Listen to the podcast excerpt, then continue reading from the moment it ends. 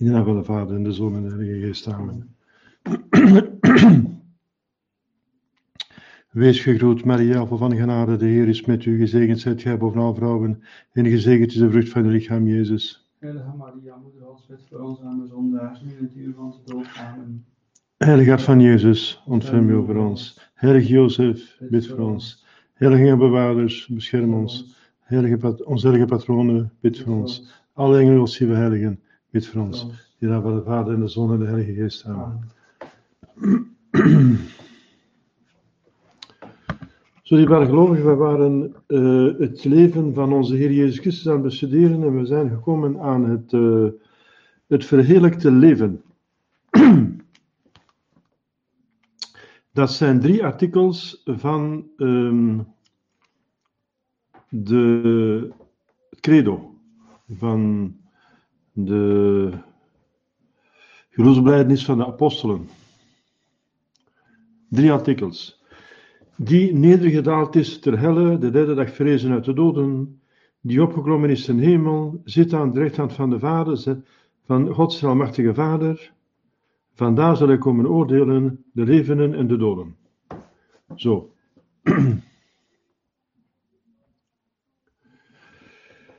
Wat is dan die hel waarin de ziel van Jezus Christus is neergedaald?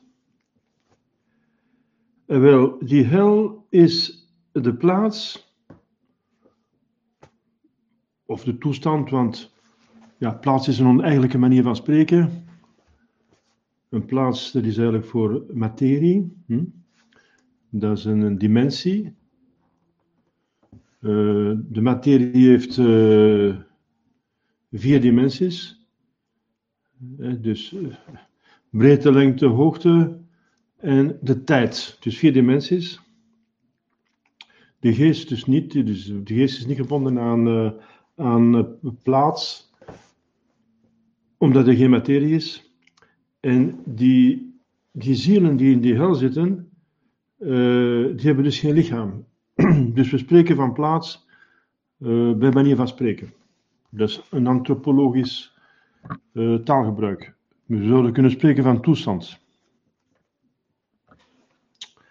Maar we spreken van plaats omdat wij dat niet bemerken op aarde. Dus het is ergens anders dan op aarde, blijkbaar. Dus, alhoewel er ook zielen van het vagevuur hun straf uitzitten op aarde. Maar dat is een andere kwestie. uh, namelijk de zielen die misdaan hebben op een bepaalde plaats, die zijn soms door Gods oordeel gebonden aan die plaats, om daar dus zo lang te blijven en te lijden tot ze uh, de zonde hebben uitgeboet. Daarom zijn er zoveel spookkastelen. Omdat in de kastelen plaatsen zijn waar rijkdom is, macht, dus intriges, dus uh, jaloezie, machtsmisbruik, dan liegen, corruptie, eventueel stelen en moorden. Hm? moorden. Ja, daar is dus, waar er veel rijkdom is en macht is, zijn er meer dus blijkbaar dus zonden die kunnen gebeuren en die gebeuren.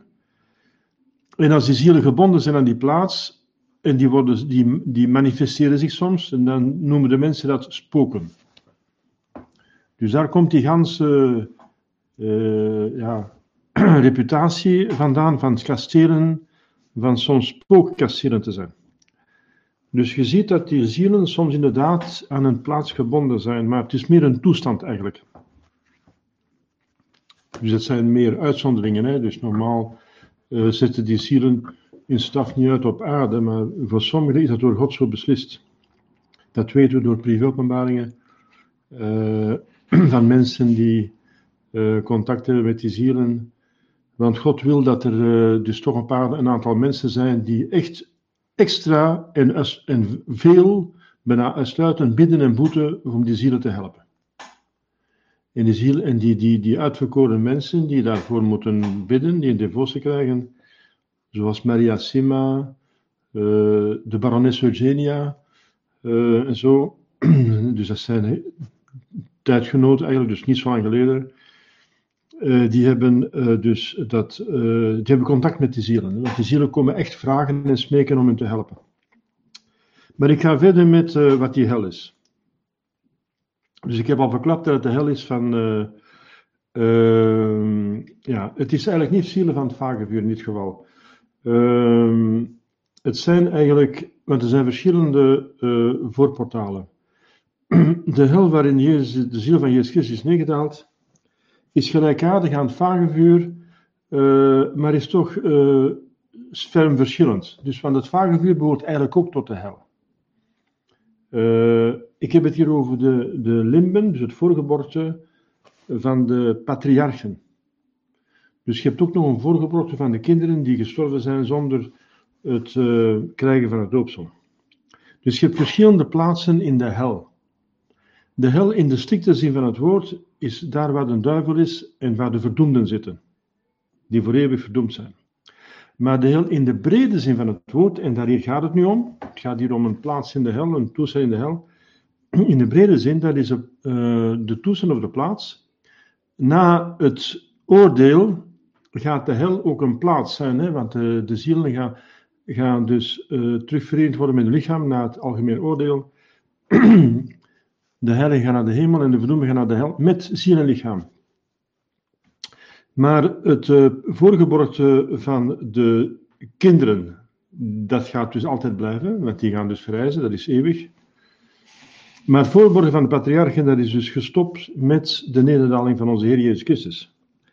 En dat behoort zoals het vagevuur en de geboorte van de, van de kinderen, behoort eigenlijk tot de hel, maar in de brede zin, in die zin dat ze God niet zien.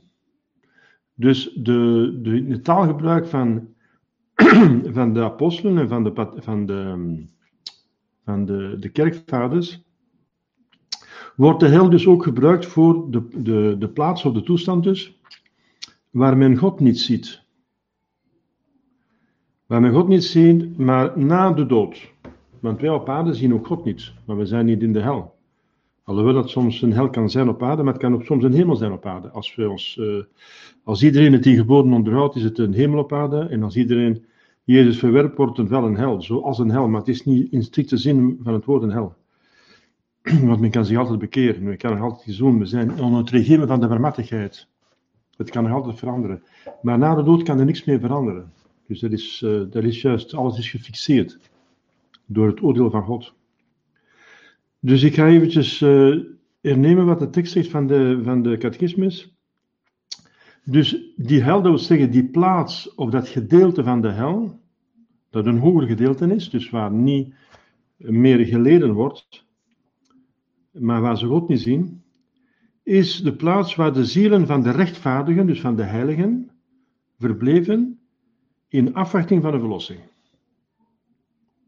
Dus je hebt, dat is een afdeling van de hel, dus naast het vagevuur, naast het voorgeboorte van de kinderen en naast de hel in strikte zin van het woord, waar er verschrikkelijk geleden wordt. In het vagevuur wordt er ook nog geleden, maar dat vermindert nagelang men, uh, men ge, ge, gezuiverd wordt. En uiteindelijk komt men eruit. Het geboren worden van de kinderen, daar wordt helemaal niet geleden, want die hebben niets persoonlijks misdaan. Maar die kunnen wel God niet zien. En die zijn eigenlijk in dezelfde toestand als het voorgeboorte van de patriarchen, die ook niet meer lijden, niet lijden, want dat zijn heiligen, maar die ook God niet kunnen zien. Maar die kunnen God niet zien omdat de hemel niet open is, um, omdat alleen Jezus de hemel kan openen. Alleen een Godmens uh, kan de hemel openen. Want als mens kan hij lijden en als God verdient hij oneindig. En er moeten oneindige verdiensten zijn om de eindige, oneindige negatieve waarde van de zonde dus in evenwicht te brengen volgens de goddelijke uh, rechtvaardigheid. Dus dat is een heel speciale plaats die dus afgeschaft is, die dus gesloten is, die niet meer bestaat. Sinds dat Jezus daar is neergedaald, maar heeft ze leeg gemaakt en er komt niemand meer in. Vroeger moest die bestaan in het Oude Testament, want mensen die heilig stierven, zoals de heilige Jeremias, die uh, in, een, in, een, in een citerne, in een put geworpen is en die is daar gestorven. De heilige Isaïas, die profeet die in twee gezaagd is geworden, hè, als dankbaarheid voor zijn profetieën, die het uitverkoren volk niet wilde aanvaarden. Dus Jezus verwijt ze, jij bent moordenaars van profeten, je hebt alle profeten gedood en nu gaat je de zoon van God nog doden ook nog. Dus hij verwijt hun dat ze, dus alle profeten hebben gedood. Dus profeet worden in het Oude Testament, dat was uh, hmm, wel mooi, want je bent een man van God. Hè? Maar dat was een abonnement op een, een marteldood eigenlijk. Wel, uh, zulke heiligen, zoals ook de heilige Abel en de heilige Noé, uh, zijn allemaal heiligen. Uh, David is heilig gestorven, enzovoort. die konden de hemel niet in na hun dood, maar die, die gingen niet naar het vagevuur. Die konden de hemel niet, want de hemel was gesloten door de erfzonde. Dus die zaten nog steeds met de erfzonde. Dus die hadden hun eigen zonde dus uitgeboet. Uh, of die hadden geen doodzonde gedaan, dus een van de twee. Of dus de zonde die gedaan hebben, hebben ze uitgeboet. Hebben ze vergiffenis, vergiffenis voor bekomen. Door de genade die voorafgenomen is op het lijden van Jezus. Uh, dus die hadden dus, uh, die zijn heilig gestorven, dus die, die moesten normaal naar de hemel gaan, maar de hemel is gesloten. Want die zaten nog steeds met de erfzonde. Dus de erfzonde is een zonde die ze zelf niet bedreven hebben, maar ze ondergaan wel de gevolgen ervan. Namelijk dat uh, de hemel gesloten is en, en, enzovoort. Dus de gevolgen van Adam en Eva. Uh, hun zonde is dat, uh, ja, dat het overgaat op hun nakomelingen. Hè. Dus ons verstand is verduisterd, onze wil verzwakt, ons lichaam is leidelijk geworden. Dus wij kunnen lijden, onderhevig aan lijden en dood. En we ondergaan die schuld, dus we kunnen de hemel niet in. Dus er moest een nieuwe Adam komen, een nieuwe Eva, die dus die zonde van Adam zou uh, uitdelgen, zou betalen. En dan zou de hemel opengaan en dan heeft uh, Jezus al die zielen van die heiligen meegenomen naar de hemel met zijn hemelvaart. Dus na zijn dood, Jezus was gestorven, aan het kruis. Dus zijn ziel verlaat zijn lichaam. Zijn lichaam wordt door onze lieve vrouw en haar helpers uh, dus, uh, eerbiedig begraven. In het graf van Jozef van Arimathea. En het lichaam gaat niet aan corruptie, gaat niet beginnen te corrupt te worden. Dat, is, dat wordt bewaard. En zijn godheid is verbonden met zijn lichaam, want het gaat verrijzen na, op de derde dag. Um, dus, maar zijn ziel is onmiddellijk zijn verlossing gaan toepassen. Onmiddellijk. Dus hij wou uh, uit liefde voor de, de ziel is hij gestorven, uit liefde voor God en de ziel is hij gestorven. Dus hij wil onmiddellijk die verlossing gaan toepassen. En de eerste die voor in aanmerking komen zijn de heiligen, die al dood zijn, maar die de hemel niet in konden. Bijvoorbeeld heilige Jozef, stel je voor. Zijn heilige Jozef, waar hij 30 jaar mee geleefd heeft. Die hem zoveel uh, verzorgd heeft en goed gedaan heeft. En als klein kindje en zijn moeder verzorgd, beschermd heeft en alles. De, de heilige Johannes een doper, die als metlaar gestorven is. Een, de grootste heilige van het Oude Testament, zegt Jezus. en de, de, de, en de onnozele of onschuldige kinderen die gedood zijn geweest voor hem. En al die heiligen van het Oude Testament, die ontelbare heiligen. En ook degenen die geen doodzonde gedaan hebben in het Oude Testament. Dus niet naar de hel in de strikte zin zijn gegaan, maar naar het vagevuur zijn gegaan, maar die hun vagevuur hadden uitgeboet, dus die waren ook klaar voor de hemel. Dus heb je ook nog ontelbare mensen die daar, dus uh, zielen, die aan het wachten waren om naar de hemel te gaan. En wel, die is Jezus gaan halen, onmiddellijk na zijn dood. Ze hebben hem uh, gevolgd uh, op aarde als een soort hofhouding. Bij zijn verrijzen is natuurlijk, neemt hij zijn lichaam terug, maar dus hij is zichtbaar, maar die zielen zijn niet zichtbaar, maar ze zijn er wel, zoals alle engelen. De engelen rondom hem zijn, die hem ook dienen, die ook onzichtbaar zijn, maar die wel zijn. En hij neemt die zielen mee, dat is de, de leer van, dat staat in de Heilige Schrift, in verschillende teksten, zelfs bij voorspellingen. En dat wordt ook door de kerkvaders zo voorgehouden. Het is pas bij zijn hemelvaart dat hij die, die zielen naar de hemel voert, definitief. Maar ondertussen waren die zielen als, als in de hemel. Want ze zagen reeds onmiddellijk, doordat Jezus het voorgebrochte van die patriarchen heet dat, binnenkwam, uh, zagen zij dus eigenlijk, ja, God eigenlijk ergens, want ze zagen wel een ziel, uh, maar een verheerlijkte ziel, een ziel die dan door God verheerlijkt is omwille van haar verdienst en om ook wat ze met, met de Godheid verbonden is. Dus die ziel en de lichaam, zoals de apostelen op de berg Tabor, toen ze het lichaam van Jezus zagen, want ze konden nog geen ziel zien, want ze zijn, de mens kan geen geesten zien, dat zagen ze ook al eigenlijk God doorstralen doorheen het lichaam van Jezus. Zo liet God Jezus zijn godheid doorstralen door zijn ziel. En toen ze dus die ziel zagen van Jezus, zagen ze eigenlijk al ergens God. Hm? Dus daar waren, we, daar waren ze al heel tevreden. En uh, wat een vreugde moet dat geweest zijn van eindelijk de verlosser te zien. Dat ze, sommigen hebben duizenden jaren gewacht in dat voorgeborgte. En telkens kwamen er nog meer mensen bij, zielen bij in het voorgeborgte. En er waren die meer te zeggen hadden wat er allemaal op aarde gebeurde. Uh, wat ze allemaal hadden meegemaakt, want er was contact. Er was geen straf meer. Ik zeg het, die worden niet meer gestraft, want ze hebben niks, dus alles is uitgeboet of ze hebben niks misdaan. Maar ze kunnen alleen de hemel in, dus maar ze was een hele contact, want je leeft daar, ze waren wel getroost omdat ze tussen heiligen leefden. Hè. Het waren heiligen tussen heiligen, dus zeer, zeer interessant om tussen heiligen te leven. Ze waarschijnlijk zeker en vast samen blijven bidden ook. Hè.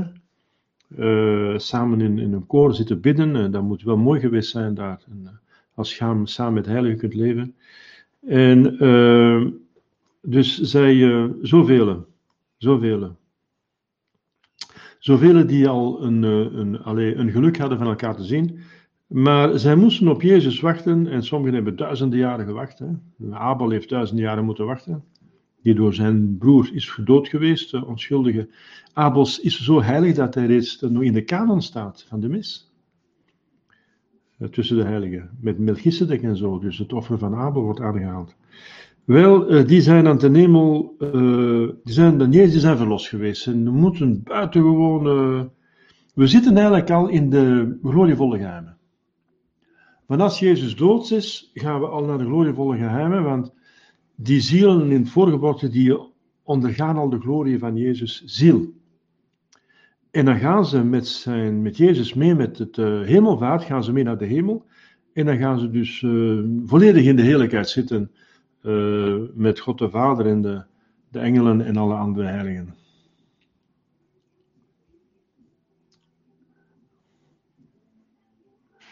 Er is een vraag volgens Dante. Uh, zijn werk De Divina Commedia zou zelfs Sint-Jozef in de limben vertonen? Natuurlijk, dat is zeker. dat is zeker en vast. Ook Jozef kon de hemel niet in. Want de hemel was nog niet geopend. Alleen Jezus, alleen de Godmens kon de hemel openen. En na zijn verrijzenis van Jezus zielen uit Limburg, ja, natuurlijk, ja, inderdaad. Maar Jezus is niet in de echte hel geweest, nee. Daar had hij niks te zoeken en niks te doen. Dus hij kon zijn verlossing uh, niet toepassen op de hel. Nee, dat is hij niet geweest. Hij is niet in de hel geweest in het strikte zin van het woord. En daar, uh, hij kon die niet helpen, want ze wilden zich niet bekeren. En hij heeft er ook geen, uh, geen voordeel kunnen halen, want hij zou daar eenmaal beschimd en gehaat worden en, en beledigd. Dat is. Dat heeft totaal geen zin voor de ziel van Jezus om naar de echte hel af te dalen. Daar is uh, niks meer te doen. Dat is voor eeuwig verdoemd. Ja. Door hun koppigheid om zich te laten bekeren, om zich te bekeren.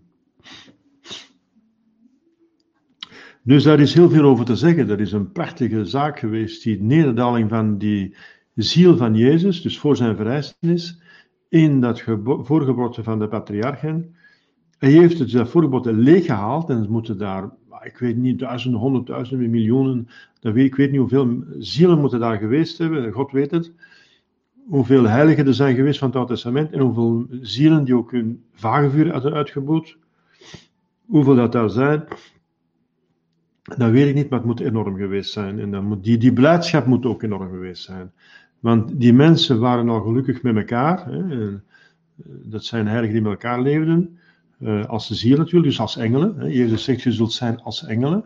Dus als wij van ons lichaam gescheiden zijn, dan, dan zijn we als engelen. Hè. Dus wij kunnen communiceren via gedachten en zo, over overdracht via telepathie. Uh, engelen die communiceren niet met de mond, want die hebben geen mond, geen lichaam, dus maar via gedachtenoverdracht, dus uh, dat gebeurt hetzelfde. Dus er is een, uh, een communicatie mogelijk, hè.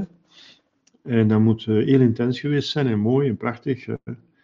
En ehm, ja, de spanning steeg, de hoop steeg, hè, want met de tijd kwamen er ook meer heiligen binnen die meer te vertellen hadden. Bijvoorbeeld als die profeten terechtkwamen in het voorgebracht, konden die vertellen wat ze allemaal uh, gezien hadden in, in, in visioen. Uh, de profetieën die ze al over Jezus hadden en hoe hij zou zijn, hoe hij eruit zag, hoe het zou gebeuren. Hè. Dus de verwachting steeg, steeg, steeg, steeg, tot Jezus daar komt. Wat een geluksgevoel. Hè? Ja, een oneindig. Dus eh, ik zeg het, als ze Jezus zien, ze Jezus zien, dan zitten ze al eigenlijk ergens in de hemel.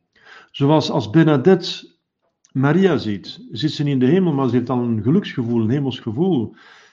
Er zijn heiligen die Maria gezien hebben en die daar alles voor over hadden om ze nog enkele ogenblikken te zien. Dat is zo'n geluk. Dat is al een voorsmaak van de hemel. En dan, hoe werd Jezus Christus verheerlijkt na zijn dood? Hoe gebeurde dat? Wel, na zijn dood, uh, zijn, zijn ziel werd al verheerlijkt door God onmiddellijk. Dus want hij, als hij stierf, beval hij zijn ziel in uw handen, vader, beveel ik mijn geest. Dus dat zei hij ook aan het kruis. Dus uh, God, vader, in uw handen beveel ik mijn geest. Dat, is zijn, dat zijn zijn laatste woorden geweest. Dus, en die ziel werd onmiddellijk door God zelf dus beloond voor al haar verdienst, onmiddellijk. Hè? Uh, maar het lichaam was nog niet verrezen. Dus als Jezus dan met die zielen vertoefd heeft, een, een avond, dus van vrijdag, de ganse zaterdag, en dan een paar, dus een paar ogenblikken, een paar kleine tijd in het begin van de zondag, want zodra de zondag is, de derde dag is, dan wil hij zo vlug mogelijk verreizen om juist zijn verlossing toe te passen. Hij wil absoluut Maria gaan troosten en, zo, en, en zijn apostelen enzovoort gaan bekeren. Want die, die geloofden niet meer en hij wil, hij wil Maria Magdalena, hij wil, hij wil zijn verlossing gewoon gaan toepassen. En vooral Maria wil hij gaan zien, die zo verschrikkelijk geleden heeft, hij wil ze gaan troosten. Dus hij verhuist zo vlug mogelijk uh, zondagmorgen. Dus het is de derde dag, dus niet na drie dagen, hè. Dus niet na uh, drie dagen, dat is uh, 60, 70, dat is uh, 72 uur zeker. Hè? Drie dagen, als ik me niet vergis. Wel, nee, het is, na, is veel minder, het is de derde dag. Hè? De derde dag, dus de avond van de vrijdag en de ganse zaterdag en, de, de, de vroege morgen, nog voor de zon opging uh, was Jezus al verrezen. Daarom dat de paaswaken gebeurt, dus uh, zo op die manier. Hè. Dus de paasmis uh, die gebeurt onmiddellijk na middernacht, dat is een verrijzenismis. Dus de catechismus zegt, na zijn dood, dus de dood is scheiding van ziel en lichaam, is Jezus Christus verrezen en opgeklommen ten hemel. Ja, maar dat is laat nadien natuurlijk. Hè. Dat is bij de vierde dagen later. Dus hij is verrezen, dat is Pasen, en dan is hij opgeklommen ten hemel. En dan zit hij aan het rechter van God, zijn machtige vader. We hebben het juist meegemaakt, eh, gisteren de hemelvaart. Dus hij is verrezen, ten hemel gaan en zit aan het rechter van de vader. En dat is definitief. Daar blijft Jezus nu voor alle eeuwigheid. Hij heeft zijn definitieve plaats al bereikt. Dus het, het menselijke uh, lichaam, de, de mensheid van Jezus heeft zijn definitieve plaats al bereikt. Eh, waar wij naartoe streven. Wij moeten die plaats nog verdienen, de hemel. Wat wil zeggen dat Jezus Christus verrezen is? Ja, hij wil dat tegenoverstellen van de dood. De dood is scheiding van ziel en lichaam. En de vrijheid is tegenovergesteld. Dat is dus een ziel die na de dood, uh, na een zekere tijd, dus het licht moet zeker, dood, moet zeker dood zijn, want anders is het geen verrijzenis. Dan heb je ook schijndood enzovoort. Je hebt ook uitredingen, mensen die hun, ziel, eh, lichaam verlaten met hun ziel, maar die toch ermee verbonden blijven en dat in hun lichaam. Dat is zeer gevaarlijk en uh, dat kan geprovoceerd worden, maar, dat moet je niet doen. Want als je niet meer erin slaagt om in je lichaam terug te komen, dan, uh, dan zit je dood. Dus ik heb zo mensen gekend die, die, die dat deden zonder dat ze dat wilden.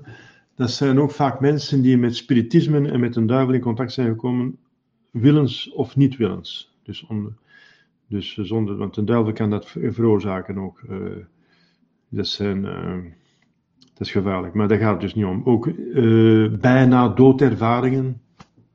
Bijna dood is niet dood, hè. Bijna dood is niet dood. De dood is de volledige scheiding tussen ziel en lichaam. En vermits de ziel zit in het bloed, zegt Leviticus 17:11, de ziel zit in het bloed, en het bloed is overal in het lichaam. En dat klopt, dus de ziel bezielt het ganse lichaam eh, via het bloed. Wel, uh, als het bloed niet meer stroomt, dan pas is de ziel, uh, kan de ziel het lichaam niet meer blijven. Uh, kan ze het lichaam niet meer bezielen en dan verlaat ze het lichaam. Dus heeft het bloed nodig om het lichaam te bezielen.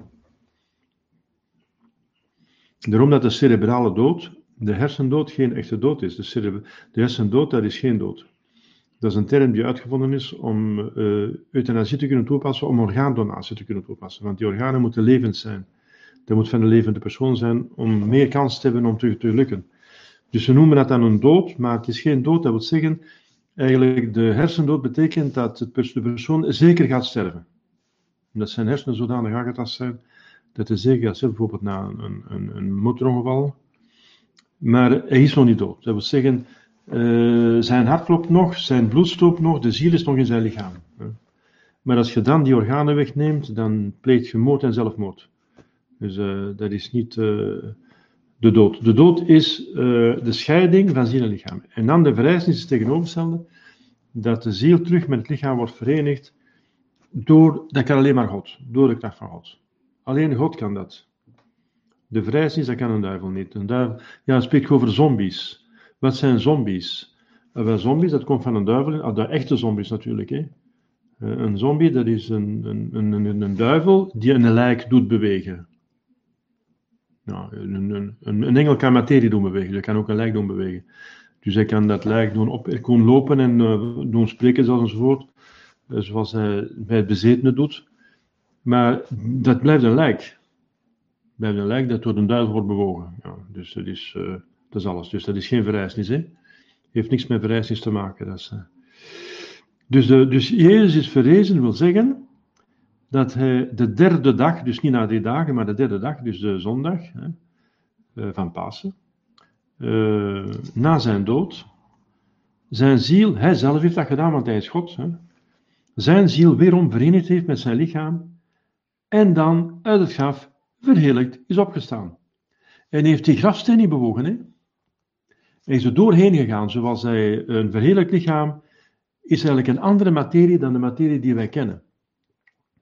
Iets anders, eigenlijk zo, ik weet niet, er bestaat ook antimaterie.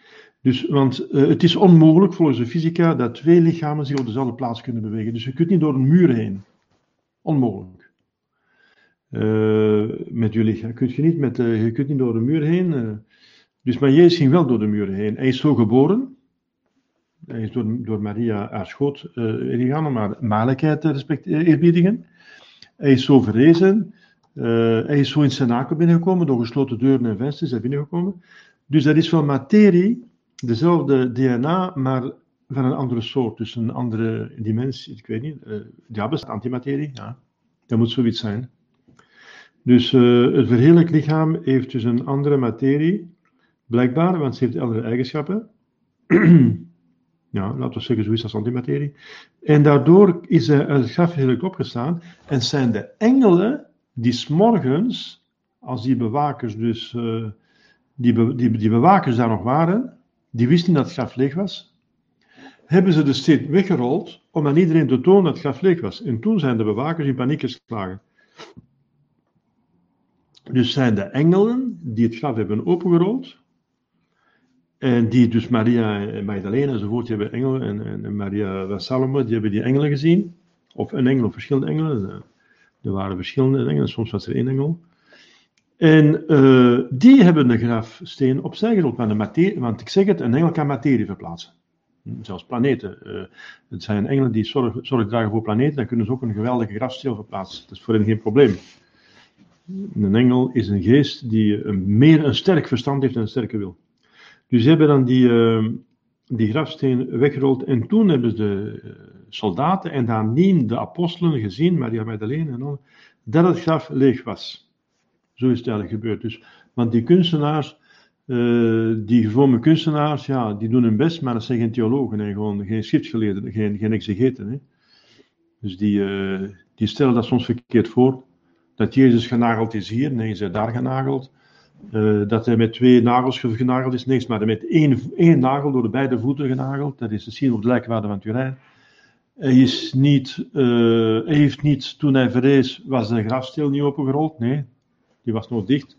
Dus zij stellen dat verkeerd voor. Dus je moet niet te veel op christelijke kunstenaars teruggaan. Eigenlijk is dat het, uh, ja, de censuur die niet goed gewerkt heeft. Want om een, om een, om een kunstwerk, een, een, beeld te maken, een religieus beeldafbeelding, moet je eigenlijk toestemming hebben van de bisschop of zijn censuurbureau. Zijn censuurbureau. En die moeten dan nagaan het overeenkomt. Dus, dus de censuur heeft blijkbaar verschillende keren zijn werk niet goed gedaan. En uh, er zijn dus inderdaad uh, afbeeldingen van Jezus die verrijst met het graf open. Dat is dus niet waar. Hè? Dus dat, is, dat graf is pas geopend later. Ik heb hier enkele vragen zie ik uh, zien verschijnen. Ondertussen. Uh, waarom wordt er dan gezegd dat het credo neergedaald is ter helle? Dat is. Oh ja, hij is neergedaald ter helle. Ja. Hij is neergedaald in de hel, maar zeggen de hel in de brede zin van het woord. Zoals ik juist uitgelegd. Er zijn verschillende afdelingen in de hel. Dus hel in strikte zin waar een duivel is en waar de verdoemden zijn. En dan de hel in de brede zin, dat wil zeggen de plaats of de toestand waar men God niet kan zien na de dood. Waar men de doem heeft. De doem, de doem betekent, de straf van doem is dat men God niet kan zien. Uh, ja, dus, er zijn, dus, dus het vagevuur kan men God nog niet zien. In het voorgeboorte van de kinderen kan men God niet zien. En in het voorgeboorte van de vader. Dus dat is de hel in die zin dat het een plaats is van doem waar men God niet kan zien na de dood. Nou, het vagevuur is tijdelijk. Uh, het voorgeboorte van de patriarch is afgeschaft en het voorgeboorte van de kind is eeuwig. Maar die zullen, omdat ze niks persoonlijk misdaan hebben, worden die beloond door een, uh, ja, een tijdelijk geluk. Dus een aardsparadijs, zoiets in de aard. Dus, uh, ik denk dat we erover gesproken hebben in de tijd. Ja. Als, uh, daarom, dus het is niet verwarrend, maar u begrijpt dat inderdaad de uitleg van de kerk nodig is. Dat toont alleen maar dat voor de Heilige Schrift en voor zelfs voor de overlevering, dat de uitleg van de kerk altijd nodig is. Uh, om, om misverstanden te, te, vermijden. Dan nog een vraag, als onze lieve vrouw of heiligen verschenen zijn ons, aan ons hier op aarde, hebben ze dan ook zulke antimaterie? Nee. Ja, mm, uh, dat hangt er vanaf. Ze doen wat ze willen. Uh, want u kunt u de vraag stellen, als Jezus verschijnt aan Maria, Margrethe Maria Lacocque, verschijnt hij werkelijk met zijn lichaam, zoals hij is met zijn lichaam, of is het maar een verschijnsel van zijn lichaam? Zoals een engel Gabriel verschijnt als een jongeling, maar geen jongeling is. Zoals, ja, uh, dus zoals de zielen kunnen heiligen kunnen verschijnen, Sint Petrus is verschenen naar verschillende uh. Ik denk de heilige Agnes is uh, Petrus verschenen. Uh, ja, de heilige Agnes. Hij is heilige Petrus verschenen, maar hij heeft nog geen lichaam, maar het is nog niet verrezen. Maar hij is wel verschenen, dus hij neemt, neemt een vorm aan van een mens. Uh, wel, dus je kunt je de vraag stellen. Je moet zeggen dat Jezus toen hij aan Paulus verschenen is met zijn lichaam, fysisch lichaam verschenen is. Want om apostel te zijn, moet je Jezus gekend hebben als mens. Dat hoort bij de definitie van apostel. Dus Jezus is zeker verschenen aan, Peter, aan Paulus na zijn bekering. Uh, nadien nog, niet alleen dus met die blikseminslag, zo gezegd. Die genade die insloeg als een bliksem. Maar uh, nadien is Jezus aan verschenen en heeft hem allerlei dingen geopenbaard. Uh, dus dat is zeker dat Jezus met zijn lichaam verschenen is aan Paulus, maar aan de andere dat weten we niet. En Maria hetzelfde. Is Maria verschenen met haar werkelijk lichaam? Of heeft ze een verschijningsvorm aangenomen? Ik denk eerder een verschijningsvorm, want Maria heeft verschillende gezichten. En uh, modo recipientis recipitur, dat wil zeggen dus, men kan iemand informeren, maar het beste manier is dat je je aanpast aan degene die ontvangt. En Maria als een goede moeder, die, die, die past zich aan haar kinderen. Dus in Guadeloupe lijkt ze eerder op een Indiaanse. In uh, Lourdes lijkt ze op een Franse. Uh, in Japan op een Japanees. Dus ze, ze, ze neemt verschillende. Ze past zich een beetje aan aan haar kinderen. Hè? Dus dat is, heel mooi, dat is liefde. De liefde zoekt gelijkheid. Dus de liefde doet gelijken op elkaar. Hè? Dus, uh, Maria uit liefde wil zich zoveel mogelijk aan ons, zoveel mogelijk afschrikken. Zo, pardon, zo weinig mogelijk afschrikken en zoveel mogelijk goed doen. Dus zo weinig mogelijk afstikken. Dus je neemt dan. Het is zo, we, we, constateren, we stellen vast dat Maria verschillende erkende verschijningswoorden verschillende gezichten heeft eigenlijk. Dus dat, dus dat toont dat ze niet met haar werkelijk lichaam verschenen is, maar met een verschijningsvorm die aangepast is zoveel mogelijk aan de mensen en de personen waarin ze verschijnt. Voilà. Dat, is, dat, is, liefde. Liefde is je aanpassen aan de anderen. Dat is mooi. Dus uh, ja. Maar inderdaad, uh, ja, dat is zeker. Want Maria met haar licht, de hemel ook met haar lichaam. En wij hebben dezelfde eigenschappen als Jezus uh, na de verrijzenis. Dus ons lichaam zal zich heel snel kunnen verplaatsen, zoals de gedachte. zal lichtend zijn. Dus de, God in ons woont zal zo lichtend zijn het lichaam. Wij zullen subtiel zijn, dus doorheen de materie, dus heel ons kunnen verplaatsen doorheen materie, ja, inderdaad. Het is een materieel lichaam, want Jezus zegt, ik ben geen spook, hè, en hij eet, hij eet vis, terwijl de apostelen erbij staan. Op de toren dat hij geen spook is, hij zegt, voel mijn handen, voel, ik ben, ik ben vlees en bloed, ik ben werkelijk verrezen. Maar het is een uh, lichaam met eigenschappen uh, die dus uh, wij niet kennen. Dus het is, en dat ziet ook bij de lijkwaarde dat die afdruk die is op de lijkwade, uh, dat is gebeurd bij zijn verrijzenis, na zijn dood. Dat, lijkt, dat, dat verwijst naar de, naar de verlossing, naar de verrijzenis, excuseer. Naar de verrijzenis. Want de, dus de vorm van dat lichaam, dat dus voeten negatief is op het lijkwade, er is geen enkele afplatting te zien van het vlees uh, van de huid. Dus als je een lichaam hebt dat op een steen ligt, op een, in een graf ligt, dan is daar waar het rust, is het, de huid afgeplat. Dus de benen, de kuiten, de billen, de rug en zo, dat is, die is een beetje plat geworden, omdat hij op een, op een, platte vlak rust. En er is geen enkele afplatting te zien op de rug van Jezus. Niks. Het is alsof hij dus niet op een steen rust.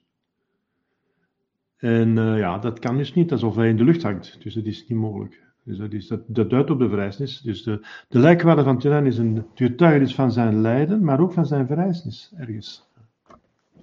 Ja. Dus uh, antimaterie, dat is een manier van spreken. Hè? Dat wil zeggen, het is een materie die bestaat, die zal ontdekt hebben, en die andere eigenschappen heeft dan de materie die, uh, die wij kennen. Ja. Dus er moet zoiets zijn. Het is materie, uh, die compatibel is ook, want hij had vis, dus dat, dat ging, was compatibel, maar toch wat de, de, de, eigenschappen die voor normaal, dus materie die wij kennen, niet mogelijk is. Dus dat ze twee ja, materiële voorwerpen zich op dezelfde plaats bevinden, dat kan niet. Onmogelijk. Dus, en dat is, want Jezus gaat door de muur heen, hij gaat door zijn, de schoot van zijn moeder heen, hij gaat door het cenakel heen. Voilà. Ja, ja dus uh, ja, ons lieve zat in een zetel in Rudebak, maar dat kan, dat kan geen kwaad. Hè? Dus uh, de engel Gabriel, als hij voor Maria stond, stond ook op de grond met zijn voeten, maar terwijl hij de grond niet nodig heeft. Dus, uh, dus je kunt de engel Raphaël, die met Tobias meereist, die doet alles zoals het precies uh, een, gewone mens, maar het is een verschijning. Dus hij heeft alles. Dus Tobias had niet in de gaten dat het geen echte mens was. Dus dat kan goed allemaal. Dat is, voor een engel is dat geen probleem. En de duivel kan het ook, omdat hij ook een, een engel is, ja, een gevallen engel. Kan zich voordoen als een heilige verschijning. Hoe weten we het verschil? Wel, uh, Jezus zegt het, hè, aan, de, aan de vruchten zult je ze kennen. Hm? Of, het van, of Maria of de duivel is die verschijnt. De duivel die verschijnt als Maria. Aan de vruchten zult je kennen, bijvoorbeeld. Als er iets gezegd wordt dat niet overeenkomt met de openbaring, dan is het van de duivel. Bijvoorbeeld die verschijning in, in Medjugorje zegt uh, dat Jezus geen onderscheid maakt tussen islamieten en de katholieken. De verschijning in Amsterdam zegt dat ze eens Maria was, dus nu Maria niet meer is. Dus wat is dat nu voor iets? Uh, ja, enzovoort. Dus uh, dan weten we. Uh, de duivel is verschenen als uh, Jezus aan Margarethe Maria Lacoque en hij zegt, ja, maar je moet zoveel boete niet doen, je overdrijft, je een beetje kalmer aan, uh, stopt een beetje mee. Dat, dat heb ik niet gevraagd enzovoort. ja, het is een duivel geweest, dus, uh, want hij probeert die vurigheid af te remmen. En nadien verschijnt Jezus en hij zegt, ja, uh, dat was ik niet, hè. Dus, Maar ze was een heel mooie verschijning, zegt ze. Dus een duivel uh, moet oppassen. Dus Jezus heeft na zijn hemelvaart zijn definitieve plaats ingenomen, ja. Hij zal nog weer een keer op aarde op het einde der wereld. Ah ja, hij gaat, heeft nog een missie. Dus als wij een domicilie hebben en we kunnen nog op reis gaan, hè. Dat wil niet zeggen dat Jezus zich niet meer kan verplaatsen. Maar hij heeft een, een definitieve plaats gekregen. Maar hij kan nog missies hebben op aarde natuurlijk. En zijn missie is onderdaan dat hij gaat terugkeren. Maar hij heeft een definitieve plaats gekregen die hij vroeger niet had. Hè. Dus als mens, uh, als God wel natuurlijk. Als God is hij altijd met de Vader geweest. Maar als mens krijgt hij nu een definitieve plaats in de hemel, die alleen voor hem is. De grootste ereplaats in de hemel. En hij heeft inderdaad nog missies op. Ja, hij gaat nog wederkomen met zijn, mens, met zijn mensheid uh, bij het oordeel. Want dat, dat, is, uh, dat is zo gezegd geweest door de engelen. Zoals je hem ziet weggaan, zo zal hij terugkomen. Dus met ziel en lichaam. Dus, ja, dat klopt. Ja. Ja, dat zijn, er, zijn, er is veel over te zeggen over die, die, die, die glorievolle geheimen. Wanneer vieren wij de verrijzenis van Jezus Christus? Wij, wij eh, vieren dat met Pasen natuurlijk, dat is evident. En, en Pasen uh, verschuift elke jaar. Dus nooit, praktisch nooit dezelfde datum. Of, dus telkens is het een ander. Waarom verschuift dat? Wel wegens dat de liturgie symboliek is. Dus de symboliek van Pasen duidt aan dat God het wint dat de hemel open is, dat de duivel overwonnen is, dat de schuld afgelost is, dat de hemel open is, dat de, dat de mensen eh, van de hel bevrijd worden, als ze maar van goede wil zijn, dat ze aan een duivel kunnen ontsnappen. En hoe wordt dat uitgedrukt? Wel, doordat Pasen gebeurt in het noordelijk halfrond, hè, want Rome ligt op het noordelijk halfrond, dus het standpunt van het noordelijk halfrond, want aan de andere kant van de Evenaar is het tegenovergestelde. Dus we kunnen het pas begrijpen als je je op het standpunt van Rome zet in het noordelijke halfrond uh, na het begin van de lente. Waarom? Omdat na het begin van de lente, dus de 23, 21, 21 uh, maart, uh, dat ze dan de dagen langer worden dan de nachten. Voilà. En de dag is symbool van God, want dat is licht en warm, de zon die opkomt, dat is de zon. En s'nachts is symbool van een duisternis. Koud en donker duisternis. Dus leugen en haat. Duisternis en koude is symbool van uh, dus, uh, leugen en haat. En, en de zon, hè, die geeft licht en warmte, is symbool van waarheid en liefde. Ten tweede gebeurt dat na de eerste volle maan, na het begin van de lente. Waarom de volle maan? Wel, was na de volle maan begint de maan af te nemen. Dus de maan moet afnemen. Want de maan is in dit verband symbool van de duivel. Want de maan is dus het grootste uh, hemellichaam van de nacht. Hè? En die, die geeft licht, die hij van God gekregen heeft eigenlijk als engel. Uh, Lucifer, hè? dus de lichtdrager, uh, die de heerser is van de nacht. Oh ja, dus dat symbool. En die moet afnemen. Dus na volle maan, dus, dus, dus de volle maan, zie je dus de volle maan is helemaal een bol, een lichtende bol, dan begint ze af te nemen. Dus moet het, het moet zijn, wat? De zondag na de eerste volle maan, na het begin van de lente. Waarom de zondag? Wel omdat Jezus op de zondag eh, verrezen is. Zo is het. Dus daar, dat, daarom verschilt die uh, datum van Pasen, omdat die volle maan uh, verschilt. Dus, uh, dus je weet al, dus, dus, dus, dus, dus dat het dus na de 21e is, dus na het begin van de lente. Maar er kan nog een maand verschil zijn. De volle maan kan in het begin zijn. Stel je voor, de volle maan valt op de 21ste of een 22ste. Dan heb je een hele vroege Pasen. Stel je voor dat de 23ste al een zondag is. Dan heb je de 23ste maart al, al een Pasen. Want je hebt de eerste zondag, de 23e, na de volle maan, 22e, dan begin van de 21e maart. Dan heb je dan 23 maart een, een, een, een. Maar stel je voor dat je een late Pasen hebt bijvoorbeeld dat de volle maan pas een maand later is, dat juist volle maan is geweest de 20ste, is het, is het uh, volle maan geweest, ja, uh, dan, uh, dan moet je wachten tot de volgende volle maan, die begint af te nemen. Dus dat is een maand later, dus de 21ste april, En stel je voor dat je dan op een, een, een maandag zit. Dan moet je nog een week wachten voordat de zon er is. Dus dan is het de, de, 23, de 21 april plus nog eens zes dagen. Dat is de 29 april. Dus de laatste zondag, de, de laatste, de, de meest late Pasen die je kunt inbeelden, dat is rond de, de 29 april. En de vroegste Pasen die je kunt inbeelden is uh, de, de 23 maart. voilà. Dus dat is meer dan een maand verschil. En dat, dat schrammelt ertussen. Hè. Je hebt een late Pasen, een vroege Pasen. En dan, verschilt, dan verschuift dat gans liturgische jaar natuurlijk mee, hè, die, die paaskring. Want als je een vroege Pasen hebt, heb je dus ook 50 dagen later een Pinksteren, die dan ook vroeg is, dan andere jaren. Je hebt ook een vroegere hemelvaart, want hemelvaart is 14 dagen na Pasen. Dus ze hangen allemaal van, af van de datum van Pasen. Dus al, wat afhangt van de datum van Pasen verschuift mee. Hm? Dus hemelvaart is 14 dagen na Pasen. Pinksteren 50 dagen na Pasen, dus 10 dagen na hemelvaart. Wel, als je een vroege Pinksteren hebt, heb je heel veel zondagen na Pinksteren.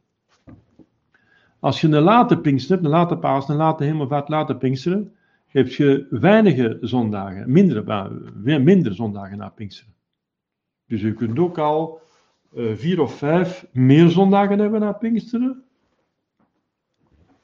Of minder na Pinksteren, na, na de vroege of late Pasen. En omdat die Pasen dan vroeger of later gebeurt, dan verschuift ook voor Pasen, de tijd voor Pasen mee. Want je moet absoluut, absoluut 14 dagen vasten hebben. Dus je hebt 14 dagen vasten. Dus dan, en, en je hebt nog de, de, de voorvasten, de Septuagesima tijd. maar die Septuagesima tijd die versplaatst zich dus mee met Pasen. Want die hangt aan Pasen vast. Dat is 40 dagen voor Pasen. Dus wat gaat er dan uh, verschillen? Ah, wel, de zondagen na drie koningen. Je hebt dan zondagen na drie koningen, weinige zondagen na drie koningen als je een vroege Pasen hebt. En vele zondagen, dus vier of vijf zondagen na de koningen meer, als je een, eh, een late Pasen hebt. Voilà. Zo is het, nu begrijp je alles. Dus daarom zijn er dus per jaar een andere datum van Pasen. Dus van Hemelvaart, dus van Pinksteren, ook van de vaste, van de Nasse Woensdag enzovoort, van de Goede Vrijdag. En dus ook verschillende aantallen uh, zondagen na drie koningen en zondagen na Pinksteren. Voilà. Maar de, de kersttijd die is gefixeerd omdat die gecentreerd is rond de 25 december, dat nooit verandert. Voilà. Dus de kerstkring die, is, die staat vast, die beweegt niet. Uh, die beweegt niet. Uh, klein beetje, want natuurlijk, je moet een zondag hebben. Eh, je, hebt, je hebt de zondagen van de, van de advent. En die zondagen die verschillen ook een beetje met schrikkeljaar en zo. Dus de zondagen. Dus, dus kerstmis kan ook op een zondag vallen bijvoorbeeld. En dan, dan, dan heb je dus, uh, ja, je moet, normaal heb je vier zondagen van, de, van de Advent. En dan moet een klein beetje, dan wordt een klein beetje verschoven met die zondagen om vier zondagen te hebben. Uh, ja, maar in ieder geval kerstmis op de 25 december. Hè. Zo, uh, dus liturgie is een symboliek en dat is, dat is heel mooi. Hè? Dat is heel mooi. Ah ja, nu is er nog een vraag hier. Al die data van feestdagen zijn ingesteld door de kerk. Hoe komt het dat de godloze wereld de regering en ze, en ze hebben aanvaard? Want iedere werknemer giet van. En wel, dat komt van het, dat is nog een overblijfsel, dus er is een, uh, een, een, inertie, de wet van inertie, dat wil zeggen, alles kun je niet zomaar veranderen in een keer. Dat is nog het gevolg van een tijd toen dat de regering, de landen, de koningen nog christelijk waren. Moet niet vergeten dat we uh, eh, 1500 jaar pissen, dus uh, eh, 1000 jaar middeleeuwen achter de rug hebben en 2000 jaar christendom. Dus in de middeleeuwen waren de regeringen, de koningen onderworpen aan de kerk, aan de paus, aan de bisschoppen. Dus dat is heel eenvoudig. We leven in een goddeloze wereld, maar je hebt ook een, een christelijke wereld gehad. Dus, uh, en daarom hebben ze dus de, de kerk, de, heeft dat gevraagd en de, de koningen hebben dat graag gedaan. Dus uh, verschillende dingen, de maatschappij aangepast aan de kerk. Aan het leven van de kerk. Bijvoorbeeld dat je op Goede Vrijdag om twee uur kunt stoppen met werken, om om drie uur de kruisweg mee te maken. Ik heb het nog meegemaakt in Kokkeriljaard Swoboken toen ik uh, uh, in 82 daar, daar werkte, 1982. En de scheepswerf van Hoboken in het secretariaat. In afwachting van mijn roeping was mijn roeping aan het zoeken. Wel, daar stopten ze nog, dat was nog een gevolg van de christelijke tijd, van voor het concilie, en dat was nog gebleven. Dus vrij, op Goede Vrijdag werd er om twee uur gestopt, dat iedereen die wou de kruisweg kon meemaken om drie uur. Voilà, dat is toch mooi? Dus dat, is de, dat komt van een christelijke tijd, inderdaad. Welke tekenen van zijn lijden heeft Jezus Christus in zijn verheerlijkte lichaam behouden? Ah ja, dus zijn lichaam is geweldig verheerlijkt geweest. Uh, zodat je God te doorschijnt. En als je Jezus ziet, dan, dan ziet je eigenlijk God. Hè? Uh, en dat geeft ook een geluk, geluksgevoel. Uh, voor diegenen die staat van genade zijn, tenminste. Maar hij heeft toch vijf wonden behouden. Vijf wonden. Dus die van zijn zijde, twee van zijn handen en twee van zijn voeten. Dus vijf wonden. Niet van zijn hoofd enzovoort. Dus andere wonden niet. Niet van zijn rug, want zijn rug is ook helemaal opgeschaafd geweest enzovoort. Is gegezeld geweest, dat is allemaal geheeld geworden. Maar hij heeft vijf wonden willen, op, uh, willen vrijhouden. Uh, om daarmee zijn verrijzenis te bevestigen. Hij heeft dat dus aan de, duidelijk aan de apostel gezegd. Kijk, de wonden in mijn handen en in mijn zij. En om ze te tonen aan alle mensen in het laatste oordeel. Kijk eens wat ik voor u over heb gehad. Ik zit nog vol gaten van mijn marteldood. Ik heb mijn bloed vergoten, dus daardoor is mijn bloed vergoten voor u. Mijn leven. Het bloed symboliseert het leven, want de ziel zit in het bloed. En de ziel is het leven. Dus ik heb mijn leven gegeven. Dus het bloed van Jezus, dat symboliseert zijn leven dat hij gegeven heeft. Zijn kruisoffer, zijn, het liefde in een, in een, in een marteldood. Dus kijk, die, die wonden bewijst dat ik u heb lief gehad tot de dood, tot de marteldood. Hè? Wat heb je ermee gedaan? Hè? En dan de heiligen die gaan zeggen, die, gaan, die hebben er heel goed gebruik gemaakt van die genade en die worden opgenomen in de hemel. En de verdoemden hebben gezegd, ja, we hebben dat allemaal verworpen, we hebben dat al met slijk gesmeten, we hebben dat weggesmeten. Die gaan daardoor gestraft worden. Om ze te tonen aan alle mensen het laatste oordeel en aan de gelukzaligen in de hemel. Uh, dat is het bewijs van uh, zijn liefde, zijn, uh, ja, bewijs van zijn liefde. Zoals een, een veteraan, die gaat vier op de littekens die hij heeft. De littekens die hij heeft, zelfs in zijn gezichten overal. dat is voor hem, dat zijn eretekens. Dat is dat hij zoveel moed heeft gehad en zware strijd heeft gehad en dat dat allemaal heeft gedaan voor zijn vaderland. Dus littekens kunnen een ereteken zijn. En ook, dat staat er niet bij, maar dat stond, dat stond elders, dat hij toont aan de Vader, uh, dat toont aan de Vader en daardoor alle genade bekomt voor de mensen. Bijvoorbeeld op het moment van de consecratie. Dat hij dus van God alle genade bekomt. Uh, dus het kruisoffer wordt vernieuwd, dus de, de, de vruchten van het kruisoffer worden toegepast tijdens de heilige mis. Ja.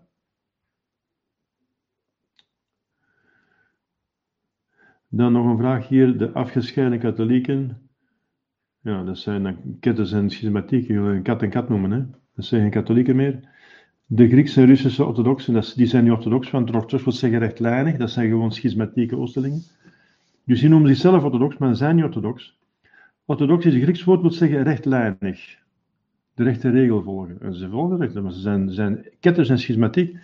Zij noemen zichzelf orthodox, maar ze zijn niet orthodox. Ze zijn, ze zijn schismatiek vieren kerstmis en Pasen 14 dagen later. Natuurlijk, omdat het, zijn dwarse, het zijn koppige ketters.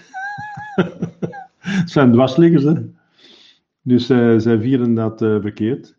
Uh, dat komt omdat ze de Gregoriaanse kalender niet aannemen. Ze zitten nog met de Juliaanse kalender. En zij nemen de, de, de, de kalender is bijgesteld, maar er zijn kleine vers, bijstellingen die moeten gebeuren bij de Juliaanse kalender. Uh, en dat hebben ze dus niet aanvaard. Dus ze zitten er eigenlijk gedefaseerd. Ja, gedefaseerd. Dat is, uh, dat is gewoon omdat ze zich willen, uh, ze willen zich afzetten tegen de kerk. Zoals de protestanten die protesteren. Hè. De protestanten zijn, zijn mensen die protesteren. Tegen wat? Tegen de kerk. Dus moest de kerk niet bestaan, zouden ze niks meer hebben om te protesteren. Zouden geen protestanten meer zijn. Dat is een bewijs dat, dat het, dat het, eh, eh, dingen zijn, noemen ze dat? Eh alleen, alleen parasieten. Ja. Het zijn parasieten, maar de parasiet kan niet bestaan zonder eh, de, de plant waar hij op zit.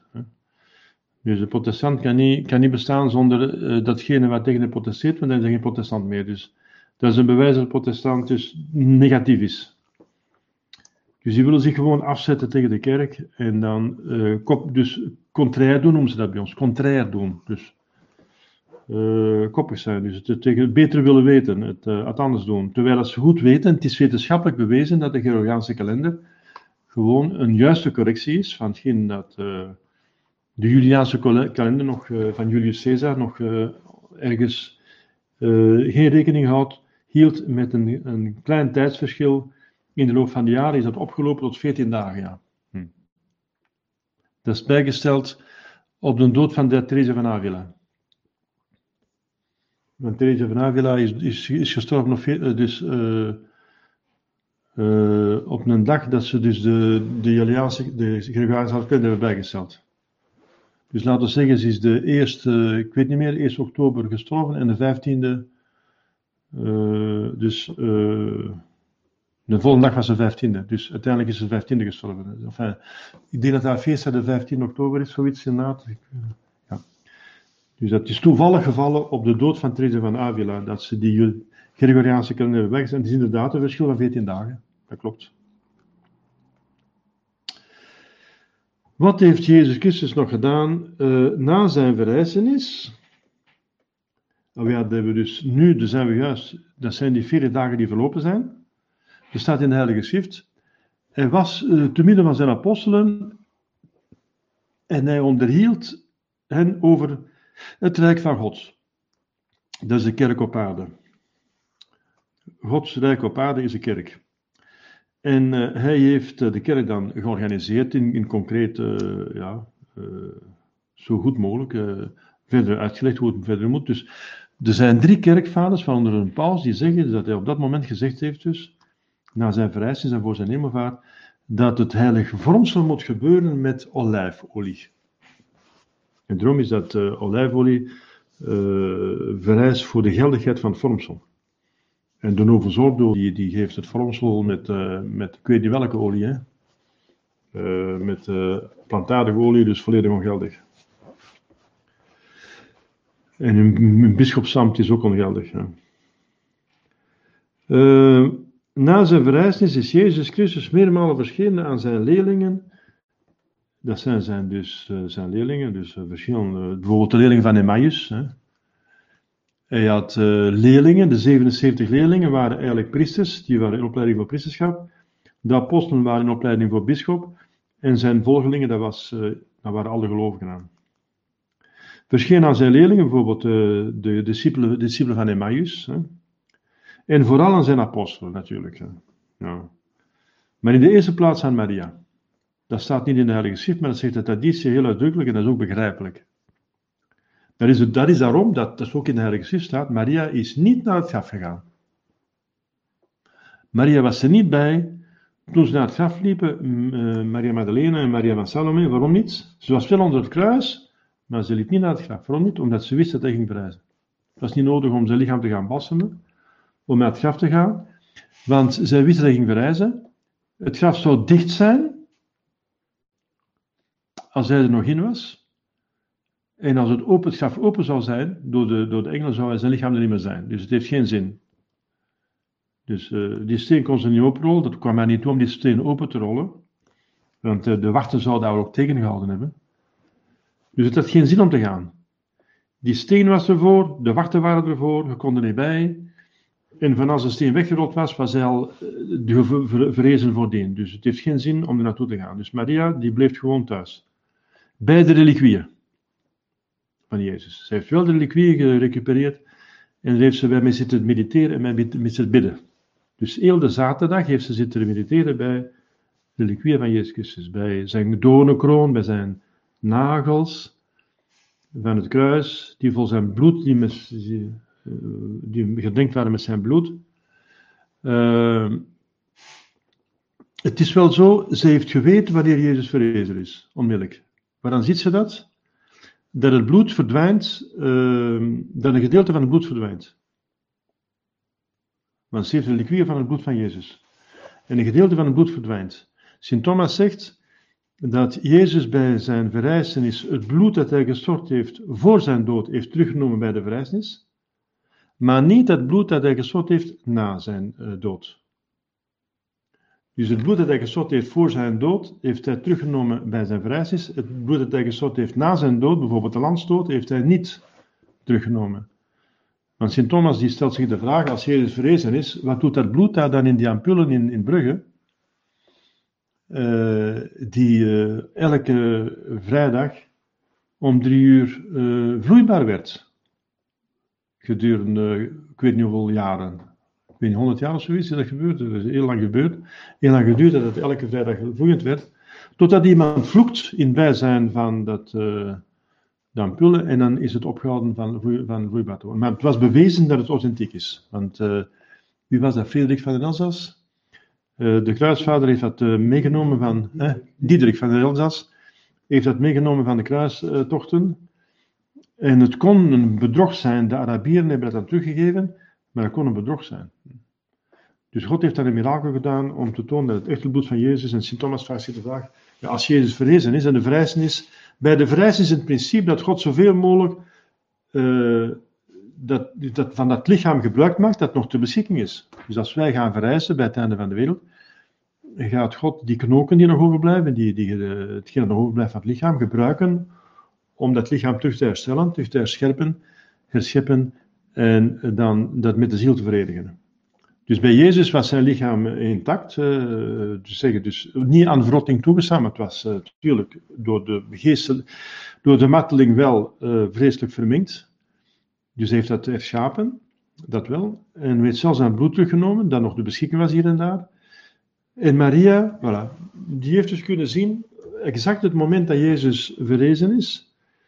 Um, want zij ziet een bepaald gedeelte van het bloed verdwijnen. Niet dat, dat bloed dat zij dus heeft gerecupereerd na zijn dood. Maar het duurt niet lang, uh, te zeggen, een, enige ogenblikken nadien staat hij al voor haar.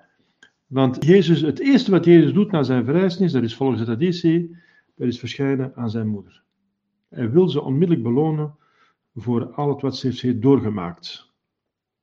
Zij heeft recht op een, uh, een beloning, een vertroosting. Jezus is het trooster. Wat hij zegt, ik zal u een andere trooster zenden. En heeft het over de Heilige Geest. Hij wil zeggen dat er een eerste trooster is, dat is hij zelf. Dus Jezus, die vervult de rol van trooster na zijn verrijzenis. Dus na zijn verrijzenis is Jezus meermalen verschenen aan zijn leerlingen. En vooral aan zijn apostelen. Hij heeft hen verder onderricht en aan Petrus het oppergezag over heel de kerk gegeven. Hij had al gezegd voordien in Caesarea Philippi, uh, gij zijt Petrus en op deze rots zal ik mijn kerk bouwen. Maar hij gaat zeggen nu, wijd mijn schapen, wijd mijn lammeren. Hm. Wijd mijn schapen, wijd mijn lammeren. Schapen, dat zijn de bisschoppen, de lammeren, dat zijn de priesters en de, de, priesters en de gelovigen. Dus Petrus is de herder, die staat aan het hoofd van de kerk. Dus dat staat in de Heilige Schrift. Dus die, die schismatieke Oostelingen die, die het paulschap niet aanvaarden, zijn echte ketters die zelf de Heilige Schrift niet aanvaarden. De protestanten ook, die aanvaarden dat niet. Dus die, dus die, die, die, die verwerpen de woorden van Jezus. Die nemen de woorden van Jezus niet ernstig. Het zijn echte ketters. Hè? Dus leugenaars, zoals hun vader de duivel een leugenaar is. Er staat heel duidelijk dat Jezus Petrus aanstaat als herder over schapen en de, en de lammeren. Een schaap en een lam, dat is ook symbolisch, dat is een dier dat volgzaam is, dat zachtmoedig is. Je zegt, leer van mij, want ik ben zachtmoedig en ik van dus wij moeten zachtmoedig zijn. We moeten gehoorzaam zijn. Dat wit is, witte wol, dus dat is, dat is symbool dat uh, geen zonden, of zo weinig mogelijk zonden, staat van genade enzovoort. Dus het, het schaap en het lam zijn symbolen voor uh, Jezus zelf, dus de gelovigen. Hè. En de bok is dan degene die kopjes zijn. Ja. Heeft Jezus nog aan anderen verschenen? Uh, is Jezus, bedoelt u, nog aan anderen verschenen? Dan alleen aan de apostelen. Ah ja, aan Maria dus, hè, en aan de leerlingen van Emmaus. Ah ja, in de Emmausgangers, ja. Ja, ja, ja, want er wordt, uh, er wordt gezegd dat er aan veel broeders dus verschenen is. Er staat verschillende keren in de Heilige Schrift dat hij aan, zelfs aan honderden verschenen is. Maar hij zei dat hij ook nog naar anderen moest gaan, maar er staat nergens in te naar wie. Ah ja.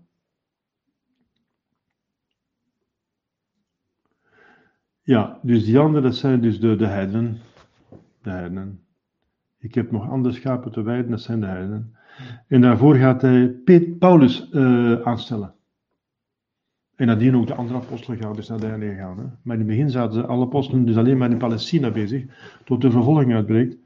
Maar Paulus is vanaf het begin uh, naar de Joden gegaan en ook naar de heidenen, aan beide tegelijkertijd. Ja. Even anders. Uh, het zal worden één schaapstal. Ja, want het was een ganse affaire. Want de Joden dachten dat uh, zij het uitverkoren volk waren. En de anderen dus niet. Uh, en dat betekent dat als men naar de hemel wil gaan of christen wil worden, dat men eerst Jood moest worden. Dat men eerst moest besneden worden. Enzovoort. Het concilie van Jeruzalem heeft dat opgelost. Zeggen nee, je moet niet besneden worden.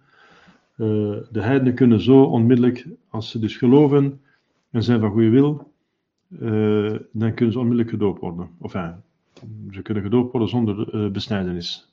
Niet onmiddellijk, ze moeten eerst natuurlijk catechismus volgen, het catecheten. Ze moeten eerst weten waarvoor ze kiezen natuurlijk. Wanneer is Jezus Christus ten hemel geklommen? Wel, dat hebben we juist gezegd. Veertien dagen na de verrijzenis. En die dag noemen we onze Heer Hemelwaard. En wat wil zeggen dat Jezus zit aan de rechterhand van de Vader dat wil zeggen dat hij als mens, want als God, de Zoon, is hij God zoals zijn Vader, dus heeft hij alle macht en alle, uh, en alle autoriteit en alle eigenschappen, goede eigenschappen, alle volmaaktheden. Dat hij dus als mens, dus ook als mens, boven alle schepselen verheven is, alle engelen en heiligen, men met zijn Vader, dus met God, het opperste geluk en de allerhoogste eer geniet de ereplaats in, de, in het heelal voor een schepsel. Dus zoals ik gisteren zei in de preek van Hemelvaart, moesten er, ik geloof er niet in, maar moesten er buitenaardse wezens zijn, dan zou Jezus daar ook nog God boven staan. Want hij is God. En God staat boven alle schepselen. Buitenaardse wezens zijn als schepselen, dus staat hij ook boven. Dus de mens, Jezus, staat boven alles. Boven al wat bestaat, buiten God. En hij is God ook, dus allerhoogste eer en ook de allerhoogste macht. En hij oefent een functie uit. Hij is priester in de hemel. Hij spreekt voor ons zijn beste. Hij leidt zijn kerk. Hij inspireert ons. Dus hij zendt de Heilige Geest. Dus hij is nog eh, actief. Oefent hij zijn priesterschap uit in de hemel. Een priester is een middelaar tussen God en de mens. Dus als mens oefent hij zijn priesterschap uit. Zal Jezus Christus nog zichtbaar op de wereld verschijnen? Hm? Wel ja, dus hebben we juist gezegd, dus op het einde van de wereld, zoals hij zelf gezegd heeft, en de engelen zeggen het ook nog, bij hemelvaart, als hij alle mensen zal komen oordelen. Maar de dag van deze tweede komst is ons onbekend. Waarom? Ja, die hangt van de mensen af. Want het getal, wanneer komt het einde van de wereld? Wel, als het getal van de uitverkorenen bereikt is. Want het is een bepaald aantal gezien voor de hemel. Een bepaald aantal. Dus nu is numerus clausus, zou ik zeggen. numerus clausus. Wel, als het aantal bereikt is, uh, men denkt van de bekering van de mensen, of ze van goede wil zijn. Nu leven er 7,5 miljard mensen op aarde, maar wie gaat er naar de hemel? Moesten die allemaal heilig leven, is dat van gedaan zijn, dan zou het einde van de wereld vlug naderbij zijn, hè? want uh, 7 miljard, dat gaat goed vooruit. Hè? Maar als ze dus, ik weet niet hoeveel, dat, dat, is, dat weet God en uh, dat hangt van de vrije wil van de mensen af. Dus wie weet het? God weet het en we weten het niet. Dus het hangt van de mensen af. Als de mensen zich bekeren, veel mensen zich bekeren, dan komt het einde van de wereld veel vlugger nabij dan dat er uh, uh, weinig mensen zich bekeren. Zo is het. En daarom weet niemand deze tweede komst, behalve God die alles weet natuurlijk. Hè. Ja. Voilà, dat, is, dat zijn de glorievolle geheimen, die zeer belangrijk zijn, maar dat is het doel van alles. Het doel van alles. De hemel is het doel van alles. Wij leven om te vereisen naar de hemel te gaan met Jezus. Dus het doel van de droevige geheimen, het doel van de blijde geheimen, is de glorievolle geheimen. Jezus is op aarde gekomen om ons te verlossen. En die verlossing, dat is juist naar de hemel gaan. En hij bereidt onze weg. Uh, ja, daarmee moest hij zelf ook naar de hemel gaan om onze weg te bereiden. En natuurlijk omdat het zijn uh, plaats die hem toekomt als Godmens. Hè. Ja. Dus dat is, die zijn heel belangrijk. Dus je moet je veel overwegen. Want als je veel over de hemel denkt, ja, dan gaat je geen goestingen meer om te, om te zondigen. Dus, uh, want we willen allemaal naar die hemel. De hemel is een onvoor, onvoorstelbaar geluk. Hè.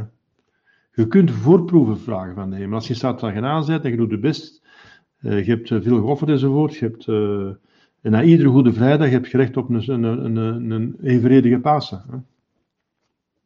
Als men veel verstervingen doet, dan wordt men ook veel vertroost. Dat is al die heiligen die zoveel verstervingen gedaan hebben, die, die hebben dat graag gedaan, want die hebben gezien hoeveel genade dat ze dat over kregen. Dus de, de Goede Vrijdag is geproportioneerd aan de Pasen, de Pasen is geproportioneerd aan de Goede Vrijdag. De, iedere Goede Vrijdag veroorzaakt de Pasen. Een Pasen kan alleen maar voorafgegaan worden door een Goede Vrijdag. Je kunt alleen maar de glorievolle geheimen krijgen als je eerst door een Goede Vrijdag bent gegaan. Bent gegaan. Dus, uh, dus wij zijn op aarde om te lijden, hè? dat is wel zo. Wij moeten het, de hemel verdienen. Dus we moeten zeker, wij moeten ook wel zeker een goede vrijdag ondergaan. Wij moeten zien, onze, van onze zonde afgeraken. Wij moeten onze zonde uitboeten. We moeten van afgeraken, we moeten goede werken doen. We moeten ons inspannen. En dan, uh, zo geraken we naar de hemel. Dus als Jezus geleden heeft, dan moeten wij ook toch onze portie krijgen. En ja, iedereen, hij heeft zijn kruisje, dus en, en, God is een goede vader. En Jezus zegt, mijn juk is licht om dragen. Als je het bij het liefde doet en bij Jezus, dan wordt het niet zo, niet zo zwaar meer. De liefde verdraagt alles. Dus de beste manier om gelukkig te worden is veel vurigheid hebben en veel liefde. En dan, dan wordt het alles uh, eigenlijk gemakkelijk. Ergens uh, relatief gezien, psychologisch gezien wordt het gemakkelijk. En Jezus geeft ook vertroostingen. Hij, bijvoorbeeld bij de matelaars heeft hij vaak het lijden weggenomen. Hè? Dus dat ze het niet meer voelden. Zoals Laurentius die zegt, draai me maar om. Hè. Je bent het grootste, draai me maar om. Ik ben al genoeg gebakken langs één kant. Hè. Dus hij voelde niks meer. Hè. Want anders kun je zo niet spreken. Hè. Ja. Dus heel belangrijke geheimen, uh, omdat en uh, omdat die ja, het doel zijn. En het doel is het belangrijkste van alles. Het waarom is het belangrijkste van alles. Anders zijn de dingen zinloos de zin, dus het doel, het waarom, is de zin van alles en dat is het belangrijkste. Dat is. Als iets geen doel heeft, nutteloos is, gooien we het weg in de vuilbak. Dus het belangrijkste ding van, van iets, dat is zijn doel, waarvoor het dient. Uh, voor ons ook. Dus dit, dit is ons doel. Dat is het belangrijkste van ons, dat is de hemel. Dat is Jezus, dat is God. Daarvoor zijn we op aarde. Dus religie. Religie is eigenlijk het belangrijkste op aarde. De belangrijkste activiteit is religie. De noodzakelijkste lering is de catechismus. Het enige noodzakelijke wat je moet doen is in staat van genade zijn en blijven. En dan zoveel mogelijk iets ontwikkelen om, om, een mooie plaats te hebben in de hemel. En, ja. Ondertussen wordt ook gelukkig op aarde. Het leven van heiligen is altijd een heel gelukkig leven. Een heel gelukkig leven. Ja. De volgende keer zullen we spreken over de, het artikel 8 van de Credo. Dus ik geloof in de Heilige Geest. Dus dan komen we terecht bij de derde persoon van de drievuldigheid. Dus, dus de, de, de credo is in drie delen verdeeld. Het eerste gedeelte gaat over God de Vader. Ik geloof in God de Vader, schep van hemel en aarde. Het tweede gedeelte over Jezus Christus, dat hebben we nu afgewerkt. En het derde gedeelte over de Heilige Geest. En dus ook over de kerk, want de Heilige Geest bezielt de kerk. Hm? Ja, en dat zal dan het laatste gedeelte zijn van, de, eh, van de, het, eh, het, het credo. Zo, uh, er zijn veel vragen geweest ondertussen. Dat is goed. Sint Thomas zegt, als je vragen stelt, dan steken dat je verstand functioneert. Dat je aandacht hebt. Dat je erbij bent. ja. Hier nog vragen? Uh, er staat in de hele schrift dat uh, onze lieve Heer Jezus Christus zelf ook niet zou weten wanneer dat einde ja. de tijden komt. Hmm. Wat dan bedoelt. Ja, Jezus zegt dus, dus, dus, dus ik weet het ook niet. Dus God weet het. Dat betekent, hij weet het als mens niet, maar als God weet hij het. Dat wil ook zeggen, Uh, ik, kan, ik zal het u niet meedelen, vraag het aan mij niet. Dus, want je kunt niet zeggen, je kunt niet zeggen als je het niet weet. Hij zegt, als mens weet ik het niet, uh, maar als God weet ik het, maar als God, maar in ieder geval, uh, het komt er niet toe om het te weten. Waarom? Omdat de mensen daar weer van gaan, gaan profiteren, omdat het niet goed is voor de mensen. Dus als jij, uh, allez, ik zal een voorbeeld geven. De kinderen zijn thuis en papa en mama zijn weg. Maar ze weten niet wanneer dat ze gaan thuiskomen. Wel, dan zijn ze natuurlijk op hun hoede om deugnieterijen uit te steken. Als ze weten, papa en mama gaan pas om acht uur vanavond thuis zijn, we hebben nog vijf uur de tijd, dan hebben we nog vijf uur de tijd om uh, stomme te doen. Hè. Ze, om, ze, worden niet gecontroleerd. Uh. Maar als ze niet weten wanneer papa en mama komen, dan is het veel beperkter. Want ze kunnen elk ogenblik binnenkomen. Wel, dat is zo, hè. Als God ons dat niet meedeelt, dat betekent dat het niet goed voor ons is, maar dat de mensen zouden van profiteren om te zeggen, ja, uh, het is nu nog niet, dus ja, we doen het rustig aan, hè. Hè? Relax. We, doen het, uh, we hebben nog tijd genoeg. Hè? Als we op einde ons nog vlug bekeren, vlug even gaan biechten en de volle aflaten, dan is alles in orde. Hè? Maar hetzelfde met de dood. Jezus zegt, uh, uw persoonlijke einde van de wereld. Dat is uw dood. Dat is uw persoonlijke einde van de wereld, van uw wereld. Dat weet je ook niet. En dat moet je ook niet weten. Dat is ook niet goed dat je dat weet. Uh, of heiligen mochten dat weten, omdat ze heilig waren. Heiligen mochten het weten. En die wisten het ook en dan konden ze zich extra voorbereiden. Maar een gewone uh, doordeweekse zondaar, een arme zondaar, die spijtig genoeg nog niet zo heilig is, die zou ervan kunnen profiteren. Ze weet, ja, ik heb nog twintig jaar te leven. Dan zeg je, ja, ik heb nog tijd, hè, een beetje profiteren en zo. Uh, combineren, hè, combineren. Hè, compromis gesluiten. Een beetje, probeer, pro, een beetje profiteren hier Ah ja, en uh, ik had 20 jaar leven, dus ik kan nog altijd bieden op het einde. Hè, dus, uh, een beetje profiteren, hè, niet te veel alleen moeten doen elke dag. maar als je elke dag kunt sterven, dan zijt je elke dag echt, ja, staat je op het maximum, bij wijze spreken. Als je zegt, elke dag zou je kunnen sterven, dan, je, dan zou je elke dag op het maximum moeten staan.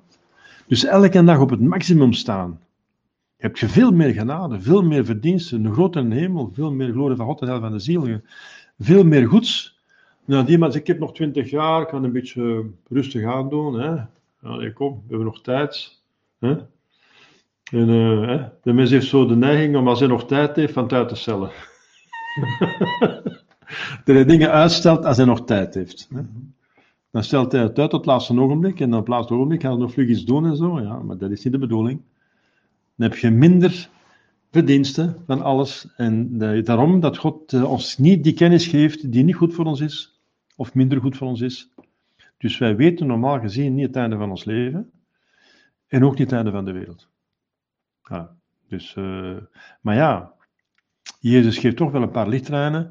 Hij ziet, als je de knoppen ziet uitkomen, dan weet je dat het lente is. Als je dat en dat en dat ziet gebeuren, weet je ook dat het niet ver niet meer af is. Hè? Inderdaad, uh, er zijn praktisch alle profetieën zijn uitgekomen voor het einde van de wereld, behalve uh, dat de, ja, de Joden zijn nog niet bekeerd. Dus, dus het merendeel van de Joden zal zich bekeren. Dat is nog niet gebeurd. Dus als getuigen van Jehovah komen en zeggen, uh, morgen is het van de wereld, zeg ja, maar je hebt eigenlijk zicht niet goed gelezen. Sint Paulus zegt dat op het einde van de wereld het merendeel van de Joden zich zouden bekeren. Voilà het merendeel van Israël zou ingaan in het werk der, uh, van God. En uh, ook zouden nog uh, Elias en Enoch moeten terugkomen om tegen de antichrist te getuigen. En die is er ook nog niet. Maar ja, we naderen, hè, want kopen en verkopen via een chip en zo, via een teken op voorhoofd en de hand, dat is nu al, die techniek bestaat nu al. Hè. En zijn ze eigenlijk mee bezig. Hè. Dus dat je het geld afgeschaft wordt uh, en dat je het alleen maar met kopen en dat staat ook in de Heilige. Dus we, we vorderen, nee, we naderen de tijd en het kan, het kan vlug gaan. Ja. ja. Zo, uh, geen vragen meer? Dat is misschien voor de volgende keer dan. Ja. Goed, dan gaan we, lieve neer, danken. In de naam van de Vader, de Zoon en de Heilige Geest samen. Wees gegroet, Maria, vol van genade, de Heer is met u. Gezegend zijt gij boven alle vrouwen, en gezegend is de vrucht van het lichaam, Jezus. Maria, Moeder Gods, bid voor ons arme zondaars, nu en het uur van onze dood. Amen. Heilige Hart van Jezus, ontfermt u over ons. Heilige Jozef, bid voor ons. Heilige bewaarders, bescherm ons. Alle engelen, ons lieve heilige, bid voor ons.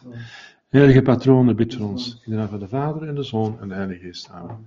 Zo, tot, uh, als God belieft, tot volgende week.